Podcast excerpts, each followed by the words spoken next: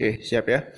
Kembali lagi di Nanas Podcast bisa dikonsumsi oleh ibu hamil. Nah, ya. Hmm. Dan eh, minggu ini kita akan membahas tentang pemilu. Tapi sebelum kita bahas tentang pemilu, sebenarnya kita ada rencana untuk mengupload setiap minggu. Jadi seminggu sekali, seminggu sekali, seminggu sekali gitu. Tapi minggu kemarin kita gak kita gak ngupload podcast sama sekali. Kita nggak ngupload podcast sama sekali karena eh, ya gak gak sempat aja gitu. Mau mau ngupload hari ini nggak bisa, ngupload hari ini nggak bisa, ngupload hari ini nggak bisa kayak gitu. Jadi ya sering bentrok lah sama jadwal masing-masing gitu. Jadi agak susah untuk mengupload eh untuk syuting podcastnya. Dan sebenarnya aku ada rencana untuk eh, mengundang tamu, bukan bintang tamu ya, karena dia bukan bintang, dia hanya tamu. Mengundang tamu udah ada rencana dari tanggal 12 Mei. Cuman sampai sekarang masih belum belum ada konfirmasi dia bisa apa enggak. Karena apa ya bentrok lah gitu jadwalnya gitu sama jadwalnya dia jadi agak susah jadinya sampai sekarang masih belum apa ya belum bisa collab ya Hmm. ya begitulah tapi nggak apa-apa kita sekarang bahas tentang pemilu wih pemilu ya Hmm. minggu kemarin tanggal 21 Mei sudah diumumkan hasil real count dari KPU Hmm. bahwa pemenangnya adalah eh, Joko Widodo, Jokowi Maruf Amin ya. Dengan selisih 11%. Eh, Hmm. 11% nggak sih? Iya kayaknya eh 10% selisihnya.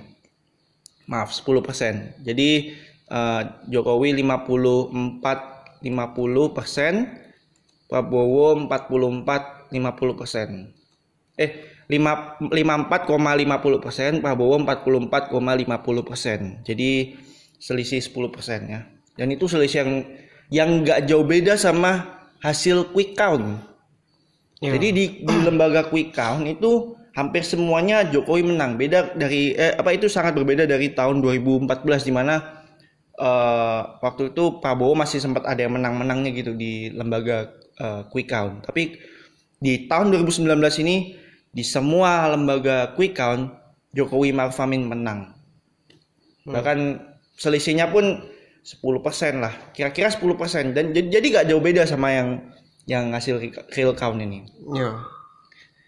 Jadi eh, kita cuma mengucapkan selamat ya bagi Jokowi Maruf Amin telah menjadi Presiden Republik eh Presiden dan Wakil Presiden Republik Indonesia periode 2019-2024.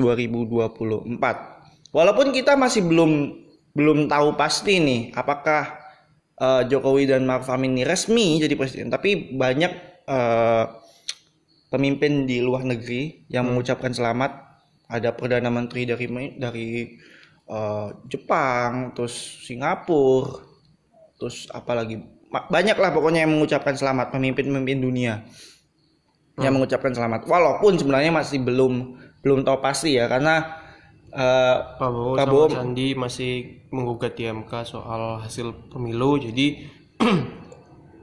tergantung hasil dari MK-nya sih. dan iya putusan MK-nya sih Ya, ya. putusan MK-nya misalnya putusan MK-nya memutuskan untuk pemilu lagi ya tuh gimana ya? Saya juga ya makanya tergantung lagi dari putusan MK mana MK memutuskan apakah uh, dibatalkan gugatannya atau enggak masih belum tahu jadi makanya ya presiden sama presiden eh ya Jokowi sama Maruf Amin itu Hmm. eh, menang di real count di KPU tapi masih belum tahu apakah dia akan jadi presiden atau enggak belum Ya begitulah pokoknya. ya.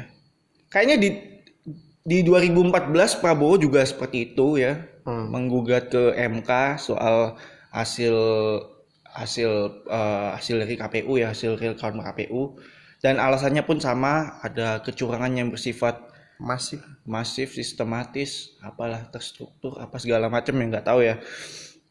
Dan ya ujung-ujungnya tetap aja Jokowi jadi presiden gitu. hmm.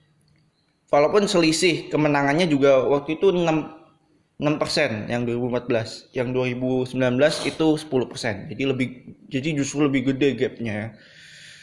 Tapi eh, kita di sini berusaha untuk netral ya. karena karena ya gimana ya yang kita mau dukung siapa pun ya kita juga harus netral kalau misalnya menang ya kita kita ucapkan selamat kalau kalah ya harusnya kita legowo gitu ya ya seperti itu sih se- seharusnya ya Hmm. seharusnya ya. Dan eh, mengenai kejadian tanggal 22 Mei itu kita nggak terlalu pengen bahas ya karena ya gimana ya kita nggak mau ikut-ikutan bahas kontroversi seperti itu. Iya. Mungkin mungkin kita bahas itu tapi eh, di luar podcast jadi kayak off camera, off audio. Pokoknya nggak nggak direkam lah obrolan-obrolan kita soal peristiwa 22 Mei kemarin ya. Ya, karena takutnya nanti yang supporter-supporternya sana itu nanti apa eh, ngelihat habis itu langsung ini, masuk ke berita hoax nanti kita. Iya. Makanya jadi Portal berita hoax. jadi kita berusaha untuk eh, nggak membahas tentang 22 Mei ya, eh, yang yang peristiwa 22 Mei itu ya. yang terjadi biarlah terjadi. Ya. Dan waktu itu hasil real count-nya diumumin tanggal 21 Mei ya. Padahal rencananya itu bakal diumumin tanggal 22 Mei. Tapi sebenarnya bukan rencana sih itu. Kalau menurut undang-undang itu bukan rencana, memang itu batas maksimalnya. Oh, Jadi ya. kalau misalnya sebelumnya itu kan bisa nggak apa-apa. Oh, iya sah aja ya. Memang kan batas maksimalnya itu tanggal 22 Mei. Setel- kalau misalnya dia ngelakuinnya setelah tanggal 22 Mei itu yang nggak boleh. Oh. Tanggal 23 Mei misalnya, nah itu kan nggak boleh. Soalnya kan memang batas maksimalnya itu 22 Mei. Jadi bukan rencana bakal diumumin tanggal 22 Mei. Rencananya itu diumuminnya sebelum 22 Mei malahan. Hmm. Nah kan memang batas maksimalnya 22 Mei. Tapi nggak tahu sih ya, apakah eh, diumumin tanggal 21 Mei itu untuk menghindari hal yang tidak diinginkan Hmm. tanggal 22 Mei kita juga nggak tahu ya. Tapi yang jelas eh, waktu itu aku ngeliat di di sosial media ada kayak konspirasi gitulah ya. Hmm. Waktu hasil real count diumumin tanggal 21 Mei ya. Karena ada orang yang eh, mengkait-kaitkan 21 Mei itu dengan tumbangnya Soeharto, mundurnya Soeharto dari jabatannya dia menjadi presiden Republik Indonesia waktu itu. Kan Soeharto mundurnya eh, tanggal 21 Mei 1998 dan Jokowi menjadi presiden tanggal eh Jokowi menang menang Pilpres diumuminnya di real count KPU itu tanggal 21 Mei 2019.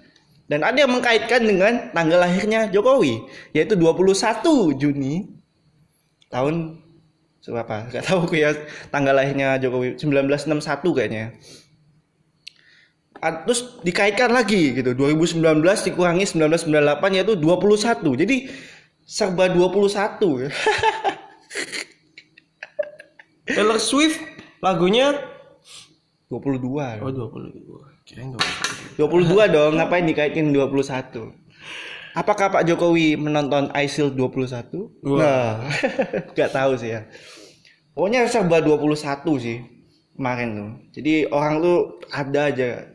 Konspirasinya. Ya konspirasinya ada-ada aja ya.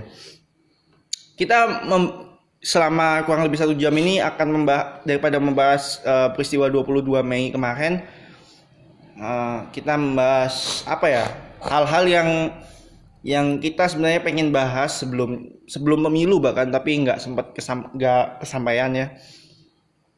Eh, pokoknya yang berkaitan dengan pemilu aja deh hmm. kita waktu pemilu kemarin itu pil eh, waktu waktu pilpres dan pileg kemarin kita jadi first voter ya first voter pil pilpres dan pileg kalau pilkada kita udah pernah Iya. kita udah first voter tahun 2018 kemarin ya dan y- ya gimana ya waktu waktu kita jadi first voter pilkada ya kita datang 5 menit nyoblos celupin tangan ke tinta udah selesai gitu iya tapi waktu pilpres dan pileg itu kita nunggu lama banget. iya jauh lebih beda eh, experience-nya itu jauh lebih beda Iya jauh jauh beda, beda banget lah pokoknya. Hmm. Kita sampai harus harus nyerahin KTP ya, nyerahin KTP segala. biasanya kan kita belum daftar Iya. daft- eh, nyerahin KTP segala macam terus kita nunggu lama gitu terus baru nyoblos baru bisa nyoblos gitu. Pengalamanmu gimana yang apa? Pilpres kemarin pemilunya. Gimana ya? Waktu jadi waktu first voter pemi, apa pilpres dan pileg itu aku lebih mentingin pilegnya sih. Hmm. karena kalau pilpres itu aku referensinya cuman di debat pilpresnya aja. Kan debat pilpres kan ada di TV Hmm. sampai 5 debat pilpres tuh. Eh de- debat capres cawapres segala macem. Ya aku ngelihatnya di TV jadi aku referensinya di TV aku kayak ngelihat oh kayak gini gini gini. Eh, apa visi misinya segala macem. Dan aku juga ngelihat eh, pemilu yang tahun 2014 kayak gimana gitu. Hmm. jadi aku pilihanku tuh berdasarkan itu sih jadi aku bener-bener riset biar aku tuh nggak salah pilih gitu aja Hmm. tapi kalau pileg pemi- apa pemilihan legislatif kan ini kan digabung ya, Ya. pilpres sama pileg.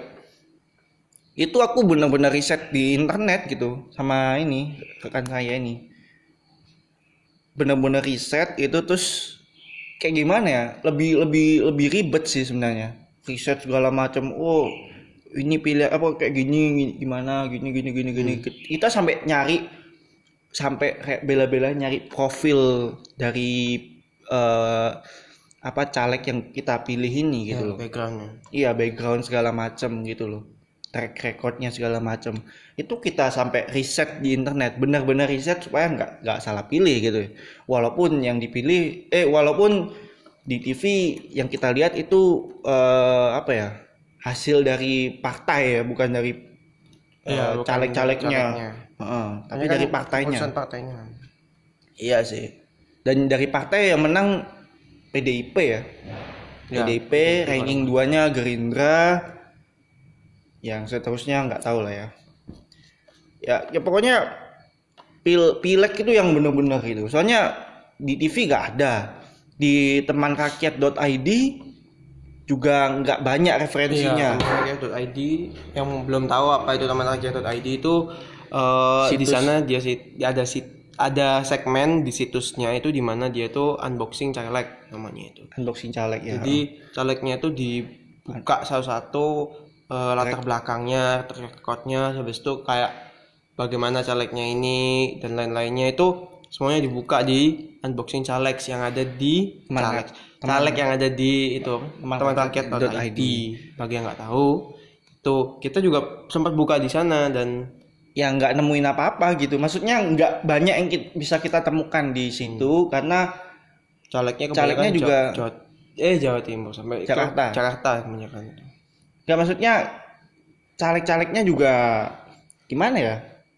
Kan caleg di Indonesia ini ada 8 ribuan katanya ya. Hmm. 8 ribuan orang, eh 8 ribu caleg kurang lebih. Jadi eh, teman rakyat.id juga nggak bisa apa ya, nggak bisa unboxing semua caleg ya karena butuh waktu yang lama pastinya ya. iya Jadi ya itu dari kita sendiri untuk riset gitu. Tugas kita em- emang untuk riset lebih gitu, lebih dalam. ya untuk cari-cari tentang calegnya Iya. Ya, ya itulah pengalaman kita jadi first voter gitu sih. Hmm. Dan eh, pemilu tahun 2019 ini eh, beda ya sama yang 2014 karena kertas suaranya ada lima gitu. ya Ada eh, presiden, DPR, DPR RI, terus DPD RI, DPRD kabupaten kota, sama DPRD provinsi. Hmm. Jadi ada lima, gitu ya. Dan paling cepet sih waktu nyoblos presiden ya, udah Iya, pasti ya. cuma dua doang. Cuman dua doang. Tapi yang, oh yang ribet tuh yang yang caleg-calegnya tuh bingung dah tuh, banyak banget sampai buka, buka kertas suara surat segala macam, nyoblos nyoblos nyoblos gitu. keluar-keluar tuh udah jaga origami itu pasti Waduh. iya ngelipetnya kan banyak gitu Iya. Dan ada yang aku lihat ya, orang tuh ya saking saking ribetnya buka kertas suara tuh ya, itu nyoblos, terus sampai dibu- dilihat gini loh, sampai nggak sengaja ya dinaikin ke atas eh, nggak sengaja dinaikin ke atas, jadi bisa ngelihat gitu, wih itu nyoblos yang mana tuh gitu, kayak gitu sih.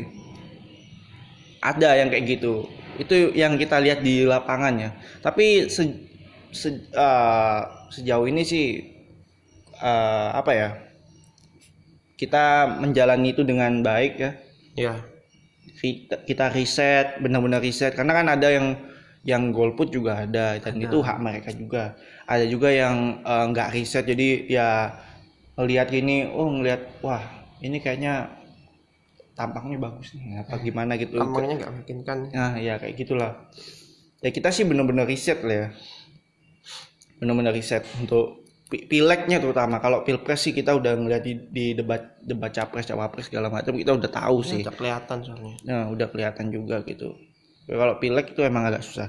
hmm. Nah, itu sih pe- eh, permasalahannya dari apa? bukan pengalaman ya pengalaman sorry permasalahan pengalaman eh, pemilu apa jadi first voter pileg dan pilpres dan uniknya pilpres tahun ini itu adalah rematch. Ada rematch dari Jokowi versus Prabowo. Rematch. Bahkan sampai bahkan eh, youtuber pun ada yang bikin epic rap battle segala macam ya. Skinny Ya. Indonesian 24 eh, bikin epic rap battle. Emang dari dari 2014 juga bikin epic rap battle ya. Hmm. zaman-zaman 2014 2009 nggak ada ya. SBY versus Megawati ya kan mereka belum belum bikin memang soalnya. Emang nggak banyak youtuber Indonesia yang bikin itu kayak oh ya bagi yang nggak tahu siapa apa itu epic rap battle.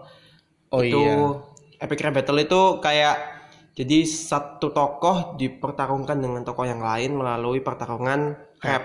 Atau kalau misalnya nggak tahu rap itu kayak ngomong cepet dan kayak apa ya em, kayak ngina-ngina lucu gitu loh. Menghina-hina tapi lucu. Jadi kayak kayak mengkritik tokohnya itu dari tokoh lain dari tokoh lawannya. Misalnya kayak eh, Einstein dengan Isaac Newton atau Nikola Tesla dengan eh, Isaac Newton gitu lah paling masuk akal. Kan kayak mereka kan dua tokoh yang sama-sama tuh kerjanya di elek di electricity. Nah Hmm. dua tokoh ini habis itu ditarungin. Dan kalau misalnya yang di Skinny Indonesian 24 itu yang bikin itu kan awalnya yang Epic Battle of History itu kan yang bikin kan pertama kan IRB kan? Ya RB ya, cari channel RB terus kemudian Skinny Indonesian 24 itu terinspirasi dari RB kemudian bikin Epic Rap Battle dari presiden, dan ada ada yang juga yang dari gubernur.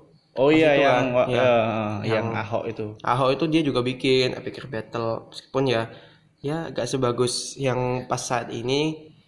Yang nggak tahu Skinny Indonesian 24 tuh youtuber Indonesia ya. Itu bikin konten-konten yang bagus-bagus kok. Ya. Dan salah satunya itu Epic Battle of Indonesian.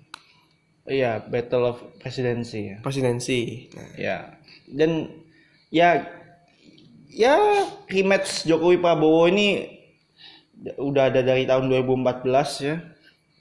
Eh sorry. rematchnya. Rematch ya oh enggak maksudnya uh, pertarungan antara Jokowi dan Prabowo ini udah ada dari, dari tahun 2014 Hmm. Dan di tahun 2019 juga baru muncul lagi Hmm. rematchnya. Ya dan sa- sama aja sih yang menang juga Jokowi juga ya. Oh, belum belum tahu. sih belum tahu. tapi waktu dia diumumin versi real count ya Jokowi yang menang. Iya. Ya begitulah pokoknya.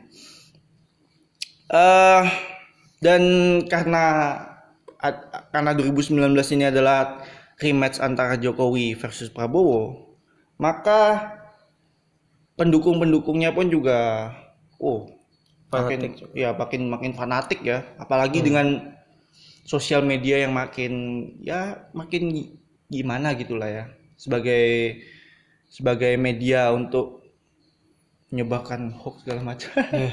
menyebabkan sekarang zamannya media tuh menyebarkan berita dengan cepat. Ya menyebarkan berita dengan cepat. Dan jadi setiap berita tuh kayak instan aja. Mm, jadi misalnya ada orang ngomong kayak gini langsung instan. Semua orang dapat semua orang tahu. Jadinya ya gak ada filterisasi lah jadinya. Mm, yang mana yang benar yang mana yang salah. Ini semua orang kayak oh ini bener ya? Ada kayak gini gini gini gini. Oh yaudah yaudah langsung langsung sebar langsung sebar sebar sebar sebar eh ternyata beritanya bohong. Ya kayak gitu. Dan pendukung-pendukungnya pun juga mul- udah udah mulai kata-kataan gitu kayak cebong kampret gitu Nah, 2004 2014 kayaknya nggak ada deh cebong kampret gitu Gak ada, gak ada men. 2014 tuh gak ada, gak ada sebutan ce pendukung Jokowi disebut cebong, pendukung Prabowo disebut kampret gitu nggak ada. Baru di pilpres 2019 inilah ada sebutan cebong kampret. Inilah uniknya pemilu tahun ini gitu. Pendukungnya pun ada sebutannya sendiri gitu. hmm. Dan gara-gara sebutan cebong kampret, kata cebong dan kampret tuh gak lagi sama. Yang makna awalnya adalah hewan, Iya. Sekarang- Sekarang yang di KB, dari KBBI, ya cebong. cebong itu artinya anak kodok yang masih kecil berwujud seperti ikan dan hidup di air atau berudu kalau sebutannya yang lainnya. Nah, Kalau kalau, kampret? yang kampret itu adalah kelelawar kecil pemakan serangga, hidungnya berlipat-lipat. Tuh, Nah, itu kalau dari KBBI ya, cebong dan kampret. cebong tuh ya basically anak dari katak lah. Ya. Dari kodok, kampret tuh kelelawar. Kelelawar yang kecil. Ya. Itu itu yang kita tahu selama ini dari Ya. cebong dan kampret. Dan setelah cebong dan kampret ini dijadikan nama un- untuk pendukung Jokowi atau pendukung Prabowo, kata cebong dan kampret tuh maknanya udah politis, bukan lagi hewan gitu. Enggak, itu udah kayak maknanya politis banget gitu. Dan apa ya? Kalau kalian nggak tahu ya sejarah kenapa pendukung Jokowi disebut cebong dan pendukung Jok- eh, Prabowo disebut kampret. Hmm. Jadi pendukung Jokowi itu disebut cebong karena Jokowi itu dari zamannya dia jadi wali kota Solo, terus jadi gubernur Jakarta itu dia suka melihara kodok. Hmm. Nah, eh, itulah kenapa pendukungnya dinamain cebong. Apalagi Kaisang kan pernah tuh bikin eh, merch namanya kolektor cebong. Nah, Jadi Iya, pas tuh, pas banget. pas banget tuh cebong gitu, kayak gitu. Pendukung Jokowi, eh, pendukung Jokowi disebut cebong segala macam. Kalau pendukungnya Prabowo kenapa disebut kampret?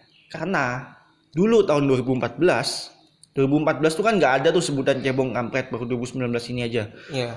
2014 pendukungnya apa eh, Prabowo itu punya koalisi namanya koalisi merah putih atau disingkat KMP.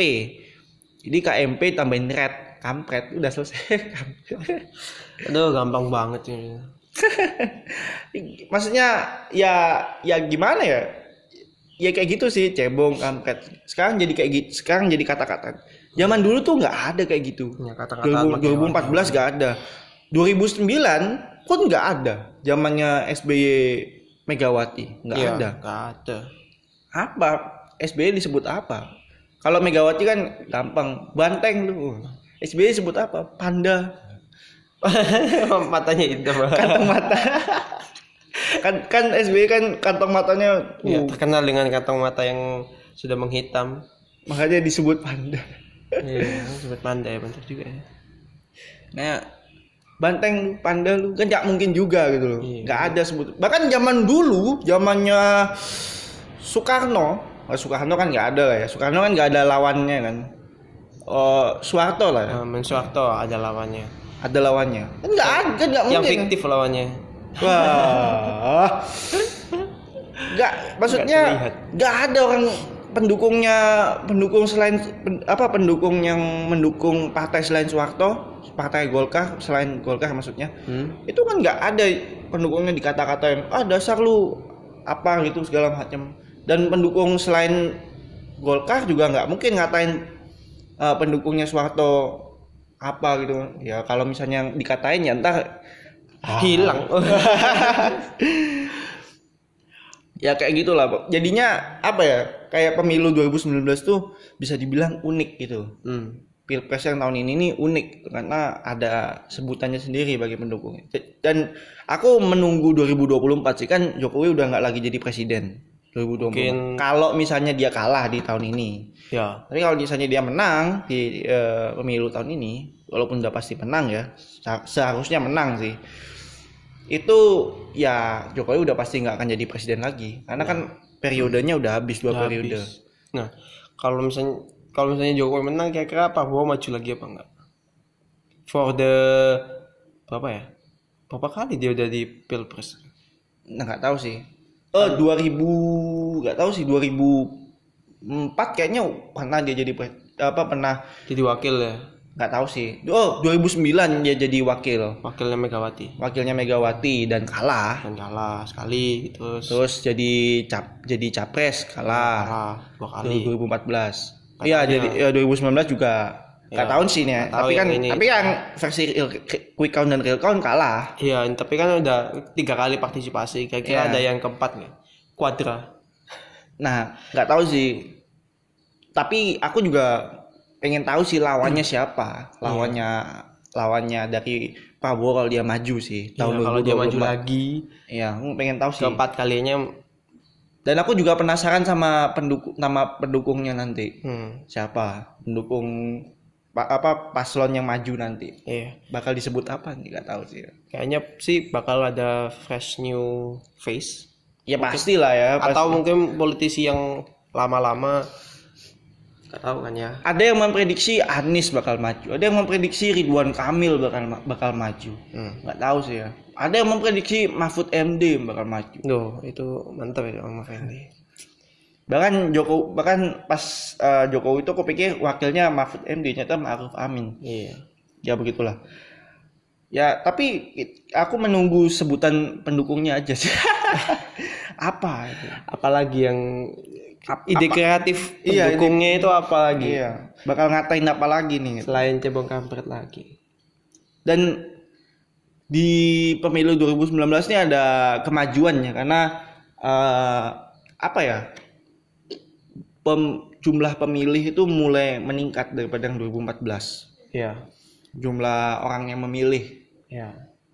itu meningkat dari dari 2014 dan apa ya kayak orang tuh apa ya kayak mempermasalahkan tentang golput segala macam oh jangan golput.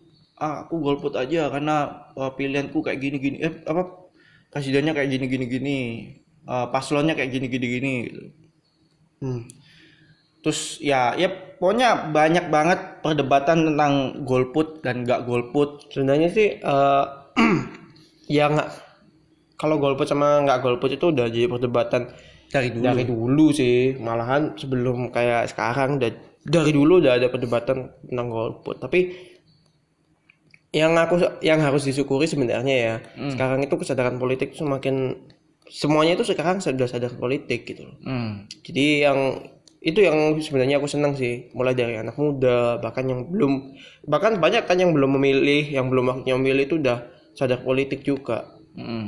Ya, Jadi, dengan iya, peran karena- sosial media juga sih. Iya, karena peran sosial media, karena peran dari tokoh-tokoh yang lain-lainnya yang udah nyerempet-nyerempet pembahasannya ke politik, yang itu menurutku bagus sih banget. Apalagi yang sekarang influencer-influencer kan banyak banget yang Eh, bahas ngomong, tentang- iya, eh, ngomongin tentang politik juga kan banyak. Jadi bagus banget sih sekarang udah semuanya tuh udah sadar politik, udah sadar tentang demokrasi, Hmm. Nah, jadi itu sebenarnya yang harus kita syukuri sih ya, harus kita rejoice lah daripada harus membahas tentang oh, golput golput itu golput tuh udah dari pembahasan dari bahkan bahkan saat pemilu itu ada golput itu sudah menjadi permasalahan. Iya sih. Pas voting itu ada itu golput tuh udah jadi masalah. Jadi ya itu udah udah dari dulu sebenarnya. Enggak lama. Bahkan aku pernah pernah datang ke sebuah seminar gitu ya. Itu dari zaman Soeharto pun, Soekarno bahkan itu udah ada pemilu, udah ada gol, udah ada yang golput. Hmm. Walaupun nggak segede sekarang ya. Ya. Maksudnya bahkan dari zaman Soeharto pun tingkat golputnya itu kecil banget. Yang milih itu hampir 90% lah. Bisa dibilang gede banget jumlah orang yang memilih. Hmm. Ya walaupun kita kan nggak tahu pemilu waktu itu kayak gimana ya. Enggak tahu. ya kayak gitulah pokoknya banyak banget perdebatan tentang golput dan nggak golput tapi aku ngelihatnya pemilu tahun ini mulai ada peningkatan lah daripada yang 2014 2014 tuh kayaknya yang paling rendah sih nggak tahu lagi sih ya paling Apanya? tingkat partisipasi eh, orang yang milih gitu gak tahu sih. nggak tahu juga sih Kan tapi ada lihat peningkatan data, ya harus data, data dulu. Tapi menurutku sekarang tuh kesadaran politik udah mulai meningkat. Dan aku suka banget malahan. Sekarang Hmm. bahkan channel-channel YouTube itu sekarang nggak cuma channel-channel masak-masak, gak cuma channel-channel yang vlog-vlog doang. Tapi sekarang udah mulai ada satu channel, ada satu channel banyak channel yang bahas tentang politik. Hmm. Banyak sekarang channel yang yang memang khusus membahas tentang politik. Iya. Itu aku suka banget. Sekarang jadi kayak eh, platformnya itu sudah mulai bervariasi bahkan pembahasannya meskipun dia tetap formatnya itu kayak eh, video orang ngomong tapi obrolannya itu lebih berbobot sekarang itu tentang politik tentang eh, ya tentang politik itu tuh menurutku bagus sih nggak cuman vlog-vlog eh, yang prank-prank. Ada nggak cuman kayak gitu-gitu sekarang. Gitu. Iya. bagus. Dan ada juga selain perdebatan tentang golput dan nggak golput gitu ada juga perdebatan tentang pengubah pilihan politik. Kayak orang ada yang hmm. ada orang yang ngubah pilihan politiknya ada yang nggak pengen ngubah pilihan politiknya. Terus Ya. yang ngubah pilihan politik bilang kalau yang nggak ngubah pilihan politik itu adalah orang yang apa ya kayak ngapain sih nggak nggak di apa pilihan politik itu disembunyiin gitu Kayak kayak, kayak penakut gimana gitu. aja iya ini kan udah apa udah selesai gitu. Nggak, maksudnya bukan udah selesai nggak waktu sebelum waktu sebelum pemilu itu belum, belum Oh, pemilu berlangsung ya itu gak boleh sih harusnya kan. Nggak, maksudnya kayak ngapain sih harus apa ngapain sih harus ditutup-tutupin Iya, gitu mau sembunyiin-sembunyiin gitu. iya kalau mau apa umbah mau umbah aja gak apa-apa gitu segala macem Hmm. ada juga yang apa yang yang nggak ngumbah pilihan politik bilang kalau yang ngumbah ini nggak tahu asas gitu. Ya, asas rahasia kan asas pemilu kan lubah jurdil. Iya. langsung umum bebas rahasia jujur dan adil. Nah, ada kata rahasia gitu. Jadi kan harusnya nggak nggak perlu lah gitu umbah-umbah apa umbah-umbah pilihan politiknya di entah di sosial media atau di mana gitu nggak perlu gitu. Ya banyak lah perdebatan itu. Dan itu kenapa waktu itu muncul cap, eh, paslon fiktif. Nah, di sosial media. Kemunculan Nur Hadi Aldo. Paslon nomor 10, Ka- karena ada perdebatan ini gitu perdebatan golput gak golput. Umbah pilihan politik atau nggak umbah pilihan politik. Jadi kemunculan Nur Hadi Aldo ini sebagai di sosial media ya. Iya, tahun 2019 kayaknya muncul Ya, Nur Hadi Aldo. 2019. munculnya Nur Hadi Aldo. Munculnya paslon fiktif ini itu sebagai alternatif kalau orang misalnya dia misalnya nih dia golput nih atau dia nggak pengen ngubah pilihan politiknya. Hmm. Misalnya ditanya nih, "Oh, milih siapa? Jokowi atau Prabowo?" gitu. Ya, sebagai orang yang eh, mungkin golput atau nggak pengen ngubah pilihan politiknya, ya pasti pilihnya "Eh, aku pilih Nur Hadi Aldo aja gitu. Nah. Tapi yang nggak nggak golput juga ada tuh Iya. nggak golput tapi nggak pengen ngubah pilihan politiknya bilangnya Nur Hadi Aldo Nur aja Hadi gitu. juga. Hmm. Karena ya memang eh Nur Hadi Aldo tuh ya kayak lucu aja gitu loh, kayak lucu-lucuan gitu. Iya, akun- yang lainnya akun tuh semuanya akunnya tuh serius banget, visi misinya serius. Habis itu eh tujuannya tuh serius banget dan kayak Nur Hadi Aldo tuh sebagai salah satu penyegar lah istilahnya. Iya. Kayak penenang lah, penenang. Iya. Jadi yang lainnya itu serius, yang Nur Hadi Aldo bisa penenang. Jadi lebih enak adem terus humor-humornya jadi dia pakai eh, sistem humor lah ya Iya. jadi eh, visi misinya pun juga kalau disingkat-singkat tuh lucu gitu loh Kayak kayak humor enggak maksudnya lebih lebih 18 plus plus sih. ya Visi 18 plus plus memang. Iya, Tapi- 18 plus plus emang visi misinya. Apa teronjol teronjol maha asik kan. ya Apaan sih? Itu paslon paslon fiktif ya kayak gimana ya? Kayaknya bahkan gini ya, bahkan di sosial media ya aku ngeliat kemunculan Nur Hadi Aldo ini itu kayak orang tuh milih apa ya kayak orang tuh bukannya milih paslon yang udah resmi Jokowi Prabowo orang kayak aku Nur Hadi Aldo aja deh aku Nur Hadi Aldo aja deh aku Nur Hadi Aldo aja deh ya itu yang mereka akui di sosial media kan Iya, kayak ah kita milih Nur Hadi Aldo, Nur Hadi Aldo, Nur Hadi Aldo segala macem. Aku sih aku sih tahu ya kalau Nur Hadi tahu di real life emang ada tukang pijit. Kalau Aldonya aku nggak tahu sih. Itu kayaknya fiktif beneran gitu, orang fiktif beneran. Kalau Nur Hadi emang emang ada orangnya wujud aslinya emang ada gitu. Yang kalau foto apa kalau nyoblos pakai jari tengah Iya tintanya itu dicelup di jari tengah kan biasanya kelingking yang dicelup Hmm. di tinta. Ini jari tengah yang dicelup terus foto gitu dicelup apa foto ta- pose tang pose jari tengah gitu. Hmm. Ya kayak gitulah Nur Hadi. Dan kemunculan Nur Hadi Aldo ini dan orang banyak yang milih Nur Hadi Aldo ini menunjukkan kalau misalnya eh, orang-orang ini juga nggak puas gitu sama paslon yang tersedia, paslon resminya kayak Iya. Jokowi, Maruf Amin atau Prabowo Sandi itu mereka nggak terlalu puas sama itu sehingga orang-orang memutuskan untuk milih Nur Hadi Aldo aja deh gitu empat paslon nomor 10 walaupun humor mereka sempat ada kontroversi ya humor mereka Hmm.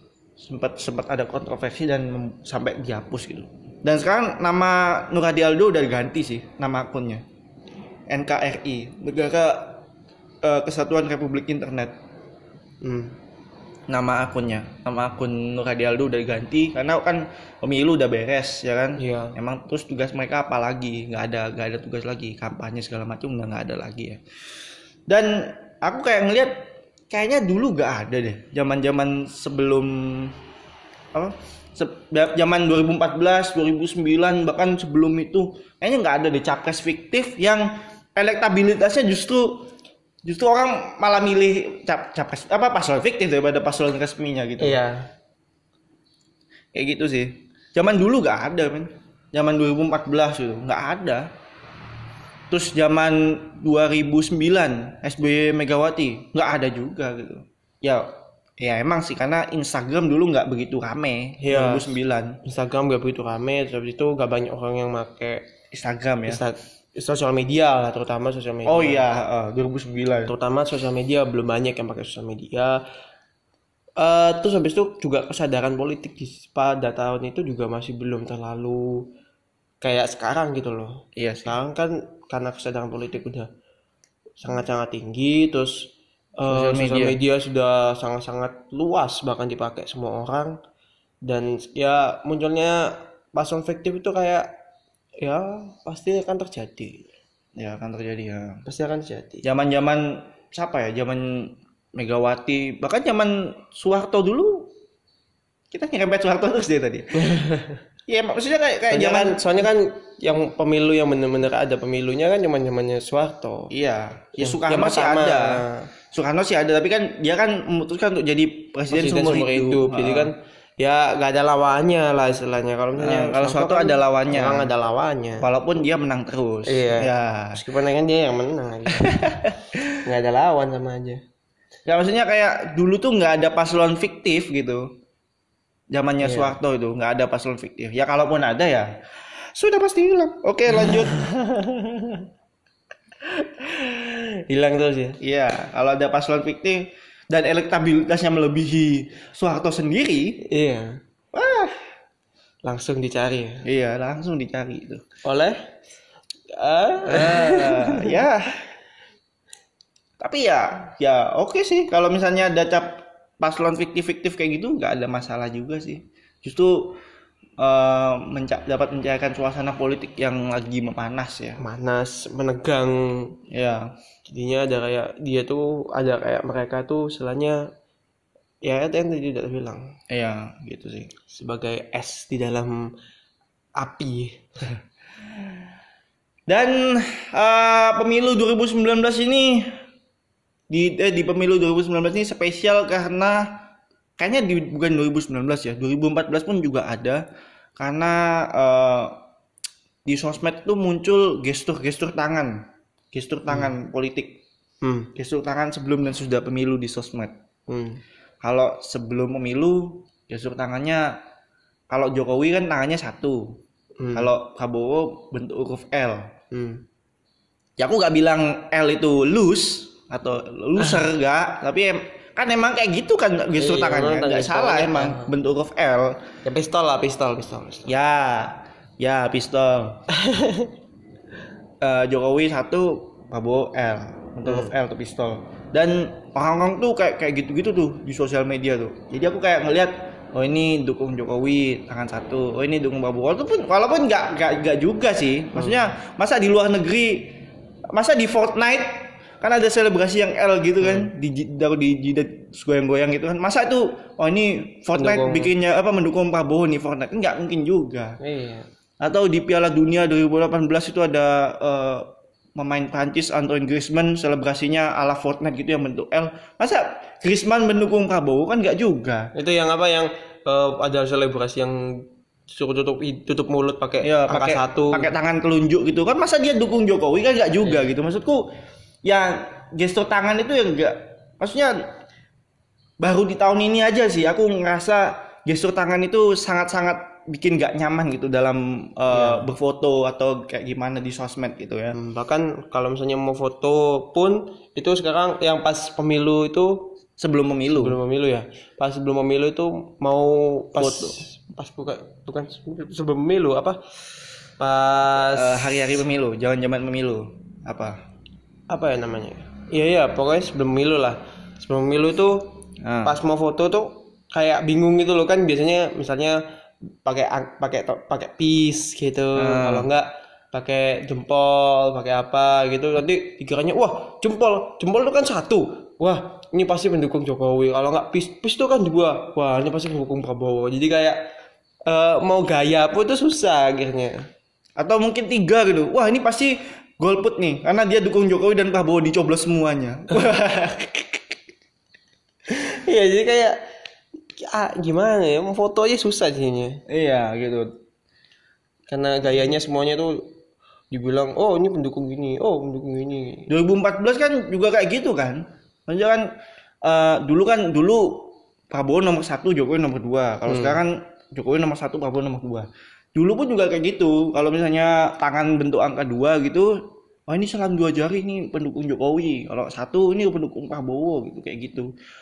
2000 2009 ya karena 2009 juga nggak muncul sos apa sosmed belum apa belum banyak yang make ya. Hmm. jadi jadi ya gestur tangan politik itu ya nggak ngaruh apa-apa gitu. Orang foto terus pakai gestur tangan gestur tangan gitu misalnya satu atau dua gitu nggak ngaruh apa-apa gitu. Orang nggak nggak bakal ngejudge oh ini dukung satu ini dukung dua gitu. Baru tahun ini aja sih. Kita nggak kebayang dulu zamannya ya balik lagi. Zamannya Zamannya pemilu pertama yang ada lawannya. Ya meskipun menang. Itu nggak ada gitu. Orang misalnya eh, ini pendukung Golkar gestur tangan ini pendukung eh, apa pendukung selain Golkar. Ya, selain Karena- Golkar. cuman ada dua pilihannya Golkar atau selain Golkar. Iya. Nggak ada lagi. Iya. Yang ujungnya Golkar juga. Iya ujungnya Golkar juga. Makanya cuman dua pilihannya. Maksudnya kayak ini Golkar ini selain Golkar. Yang ini gol eh, apa kalau misalnya ini selain Golkar oh ini harus diciduk segala macam. Dah ya. Kalau sekarang kan enggak kan? Ya bebas gitu. Hmm. ya an- aneh juga sih harus pakai gestur-gestur tangan polit eh, gestur-gestur tangan tuh dianggap sebagai oh ini apa oh pendukung ini pendukung ini. Dan setelah pemilu pun juga ada tuh gestur-gestur. Kayaknya dari dari dulu sih ya dari 2014 dari 2000 bahkan udah dari dulu sih kalau sesudah pemilu gestur tangan kelingking. Kelingking Oh, ada iya. tintanya gitu. Oh, iya. dari dulu itu tuh udah lama tuh ya. pasti. Kalau kalau dulu kan memang kayak sombong-sombongnya kan kayak lewat langsung gitu. Eh ini tanganku masih ungu-ungu loh habis pemilu gitu. Masih ngomong langsung. Terus sekarang kan karena sosial media jadi di fotonya di Insta Story gitu. Hmm, bahkan Nikola Saputra pun sempat tuh. Foto kelingking. Foto foto clicking gitu doang jumlah like-nya gede banget.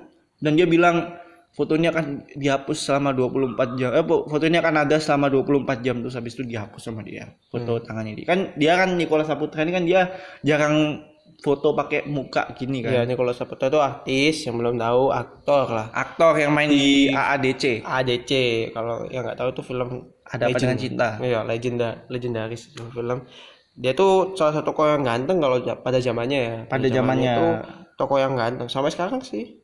ya Sampai sekarang masih dibilang ak- aktor yang tampan sih. Dan ya dia dia nggak pernah post selfie sama sekali kan. di di Instagramnya di dia sosial medianya di Instagram terutama itu nggak pernah post foto, foto selfie Ya, jadi waktu dia selfie kayak gitu ya banyak like-nya gitu. Iya langsung wah akhirnya yang ditunggu keluar Banyak sih orang-orang yang di sosial media gitu tangan pos apa tangan pemilu itu kelingking gini terus ada yang ngejokes ngejokes gitu ya kan. Wah ini habis servis perintah. Gitu. ya Ada yang kayak gitu-gitu. ada. Habis itu yang yang kelingkingnya doang yang nggak ada tintanya. Yang lainnya bertinta semua tangannya. Ada, ada. Ada juga yang oh ini apa men, ap- aku, aku bingung juga sih. Banyak karena banyak banget orang yang Iya, banyak banget yang yang kayak gitu-gitu banyak banget. melucu melucu gitu ya. Ya melucu-melucu gitu. Hmm. ya di ya kelihatan aja sih gitu. Oh ini nyoblos ini kayak pamer ke golput gitu. Iya. golput nggak mungkin lah. Pamer-pamer celup tangan gini apa eh, pamer-pamer jari kelingking. Mungkin mungkin. Mungkin ada tapi mungkin biar ada biar kayak kedok golputnya nggak kelihatan. Iya, jadi kayak, kayak kesannya kayak dia milih gitu iya, padahal dia milih padahal sebenarnya golput juga. Atau mungkin dia dia nyoblos tapi pas di di bilik apa di bilik suara dia semuanya dicoblos gitu. kalau nggak ada tuh yang pas itu eh, di kertas suaranya tuh dia tulis semuanya koruptor gitu. Waduh. ada tuh yang jadi dia nulis gitu di kertas suaranya semuanya koruptor apa apa eh, semuanya ya pokoknya ada tulisan koruptor gitu lah semuanya di di kertas suaranya itu tulisnya. Wih jadi kayak ya udah dari dulu sebenarnya sih kayak ada yang nulis nulis gitu. Kalau nggak kertas suaranya nggak dibuka jadi langsung dicoblos gitu itu kan sama sama aja nggak kehitung kan Iya. Ya kayak gitu-gitu sih. ya banyak sebenarnya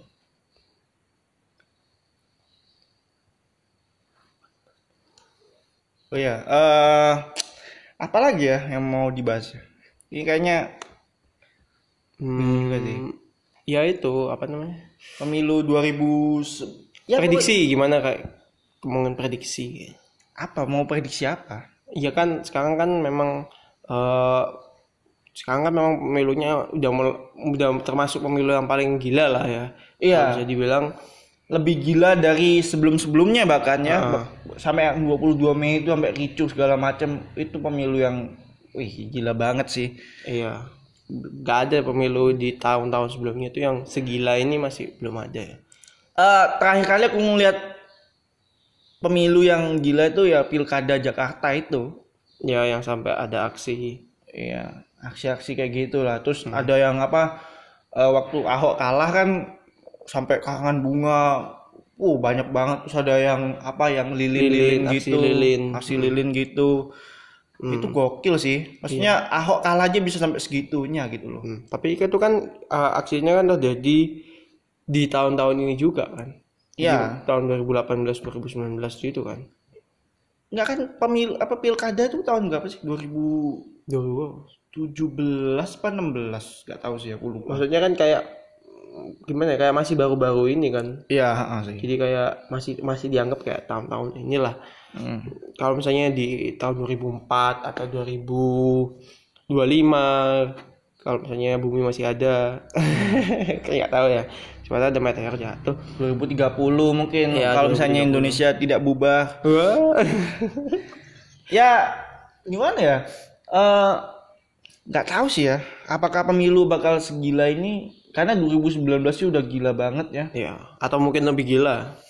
Nggak tahu lagi sih tapi kayaknya kan Jokowi udah nggak lagi menjabat sebagai presiden kan di tahun 2020 nggak bakal nyap nggak bakal eh, nyalon lagi jadi ya presiden ya, ya bakal jadi calon presiden juga iya jadi ya gak bakal atau masih belum tahu kan belum tahu sih masih tapi belum tahu juga kemungkinan besar sih enggak hmm. Jadi apa ya? nggak bakal 2024 kayaknya nggak bakal terjadi pemilu apa eh, yang kayak gini-gini lagi, yang kericuhan gini lagi sih. Terakhir kali aku itu harapan kita ya harapan kita nggak harapan kita nggak ada. Terakhir kali aku melihat kericuhan di Indonesia ya 98 gitu. itu pun bukan karena Itu pemilu bukan karena pemilu, itu emang Itu karena karena pengen memang- menggulingkan Soeharto Iya, aja, pengen menggulingkan pemer- pemerintahan yang yang ya istilahnya itu iya menggulingkan pemerintahan sekarang Hmm. gitu. Eh yang, yang saat itu gitu. pemerintahan saat itu yang konotasinya itu pemerintahannya itu sangat-sangat bobrok lah istilahnya Ya, karena perekonomian turun dan lain lainnya itu terus Hmm. pemerintahan juga krisis ekonomi, krisis krisis Moneter. ekonomi. Eh, moneter. Ah. Krismo Krismon, Krismon. Krismon Oh iya. oh iya, bicara soal Krismon ya. Nah, Itu ada nih aku waktu itu nih nih dia nih yang nyari nih di YouTube ada lagu anak judulnya Krismon gitu. ya ampun, lucu banget sumpah. Jadi awalnya tuh ya kan aku kan kayak scrolling scrolling gitu ya cari lah Ya cari cari ya dicari ya Ya. Krismon Iya, cari aja. judulnya Krismon. Jadi awalnya tuh kan aku kan cari-cari tentang kan aku juga eh, masih kan aku juga belajar kan, kan aku juga belajar habis itu eh, karena juga ya karena aku juga suka banget sama ilmu pengetahuan jadi aku coba cari-cari tentang krisis moneter. Jadi aku cari krismon. Kemudian ada muncul Sini Senora. Hah? Sini Senora. Sini, Senora, Senora ini siapa enggak, Sini, enggak, Sini Senora ini kalau kalian nggak tahu ya dia yang nyanyi lagu Aku Cinta Rupiah. Oh. Na na na na na na na na, na. Abia dolar merajalela kayak nah, itu. Aku cinta rupiah. Ya kan aku kan nggak tahu ya siapa tuh Cindy Senora dan aku juga gak inget orangnya yang mana. Cindy Senora ini bisa dibilang eh, penyanyi, uh, penyanyi cilik, cilik yang kritis kan? ya. kritis bisa dibilang kritis sih. Iya. Dan terkenal juga sih. Iya, Kalau zaman dulu, zaman dulu pas zaman zaman lagu lagu iya, anak lagu-lagu tuh banyak. anak populer tuh ya terkenal gitu. Gitu. Senora terkenal. Tapi nggak tahu sih sekarang jadi apa. Kalau kan kita kan nggak tahu eh, kita kan nggak tahu apa penyanyi cilik sekarang jadi apa ya. Hmm. Eh, kalau Sherina kan, uh, itu kan udah terkenal banget tuh. Hmm. Joshua? Joshua jadi penista. Enggak, sekarang jadi CEO-nya MLI sekarang. Ya. Weh, CEO. MLI itu Majelis kalau nggak tahu Indonesia. ya, Majelis Lucu Indonesia salah satu company yang kayak company ya, Pak. Tahu Perusahaan sih, PT, sih. PT. Ya kayak perusahaan terbatas. Perseroan terbatas, PT kok perusahaan. Ya, perusahaan terbatas yang menaungi komika-komika ya. Iya. Ya kayak gitu loh. Pokoknya ya nggak tahu sih ini Cindy Senora ya, kita play aja nih lagunya nih. Eh, tapi yakin mau di play kan apa eh, nanti monetisasi dan lain-lain. Ya nggak apa-apa, setel aja. Nah, ini. Masih di mute ini. Ntar dulu. Ini kita ngeplay di laptop ya tuh.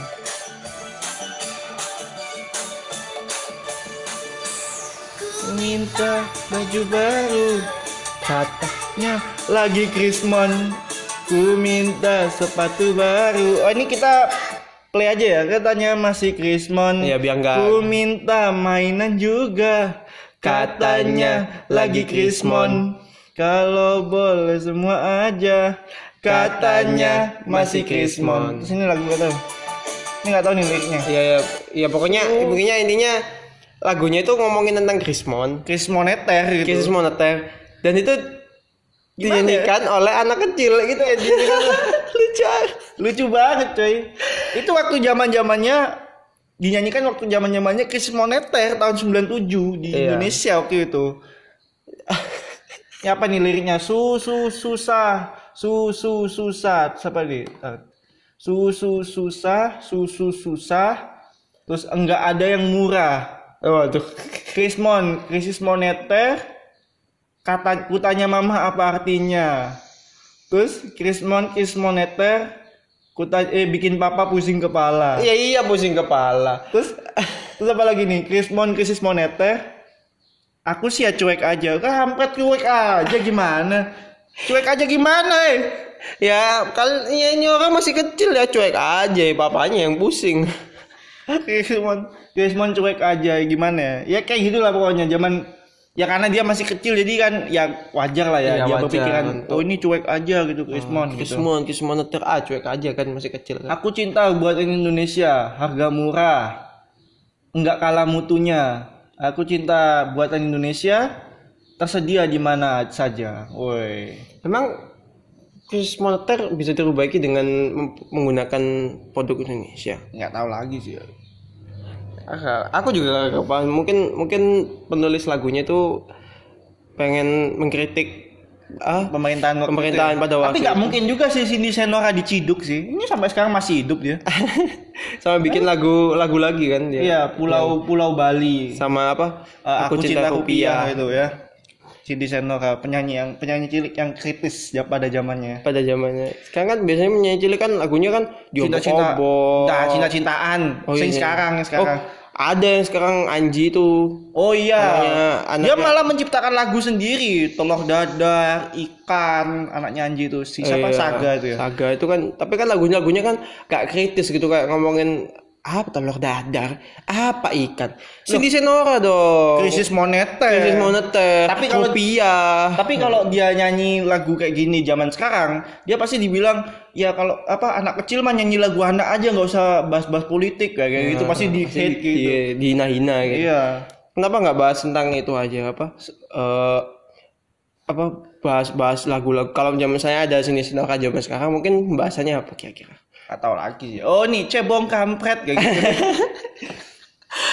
Atau mungkin pemilu pemilu jangan golput. Nah, Nah, pasti bahas-bahasnya kayak gitu-gitu. iya, jangan golput, golput tidak tidak baik.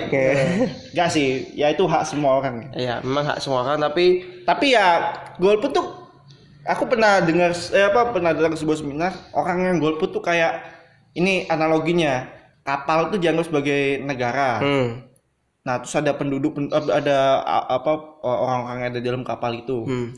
Waktu waktu kapal itu lagi bocor hanya orang yang golput tuh ya ya bisa cuman ah ini ini ini ini kok ini bocor ini bocor. Hmm. Ya. Orang yang nggak golput itu berusaha untuk memperbaiki itu. Hmm. Jadi kayak ini gitu nunjuk-nunjuk gitu. Iya sih. Analoginya seperti itu, tapi ya ya nggak nggak ada masalah juga sih. Orang lagi itu golput adalah sebuah hak. Iya hak, nggak nggak apa ya nggak diatur dalam undang-undang gitu. Hmm. Mau golput mau nggak itu terserah gitu. Tapi ada ada beberapa negara yang ngatur sih soal golput. Itu negara mana tuh?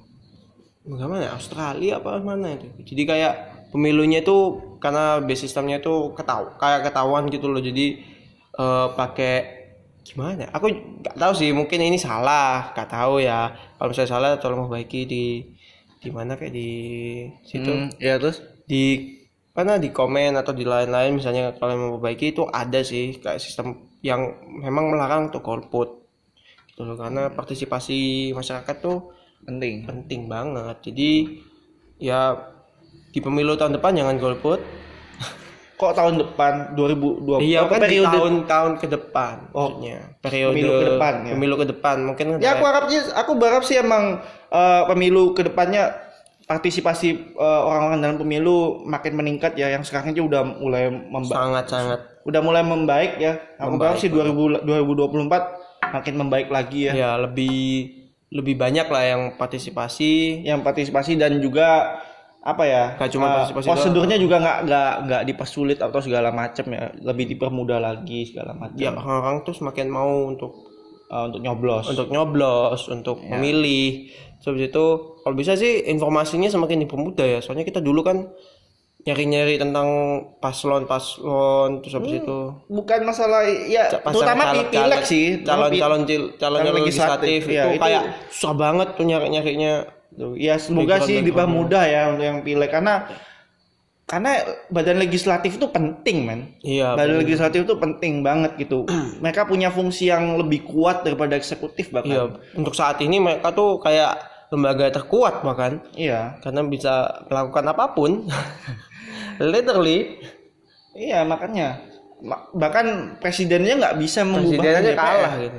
iya presidennya nggak bisa membubarkan DPR kalau kalian cek di Undang-Undang Dasar 1945 ya kalian cek aja gitu betapa kuatnya dep apa eh, calon legislatif apa eh, Legislatif. badan legislatif Badan ya. legislatif itu sangat-sangat kuat dan penting lah makanya. Iya. Jadi untuk untuk kita bisa tahu siapa yang bakal kita pilih itu krusial itu kan. Iya, sangat krusial. Oh ya, oke. jadi ini eh, sampai segitu aja ya mungkin ya, karena udah mau habis eh, durasinya Jangan lupa cek di sosial media masing-masing ya GPAI, Twitter, Instagram, dan YouTube.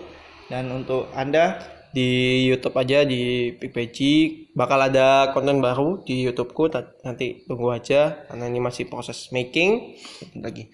Oh ya, eh, dan kalian bisa dengerin ini juga di Anchor dan Spotify. Dan ini yang baru aku tahu ya di eh, nggak cuma ka- ketika aku uploadnya di Anchor itu kalian bisa dengerin juga di tiga platform yang beda walaupun nggak terkenal juga ya dan al- walaupun kalian juga nggak bakal dengerin di situ ada Google Podcast, Radio eh, Radio Public dan Breaker. Ya Nggak semuanya kayaknya sih gratis sih semuanya ya. nggak tahu lagi Ya, tapi tapi ya kalian bisa dengerin di semua platform itu misalnya kalian pakai ya begitulah kalian bisa dengerin aja kalian paling gampang dengerin di Anchor atau Spotify. Podcast- atau Spotify ya. Iya. itu aja dari kita. Dan semoga pemilu ke depannya makin banyak partisipan. Eh partis- banyak yang part- partisipasi dan semoga pemilu tahun ini damai Indonesia juga damai ya. Sampai jumpa di Nanas Podcast episode berikutnya. Dadah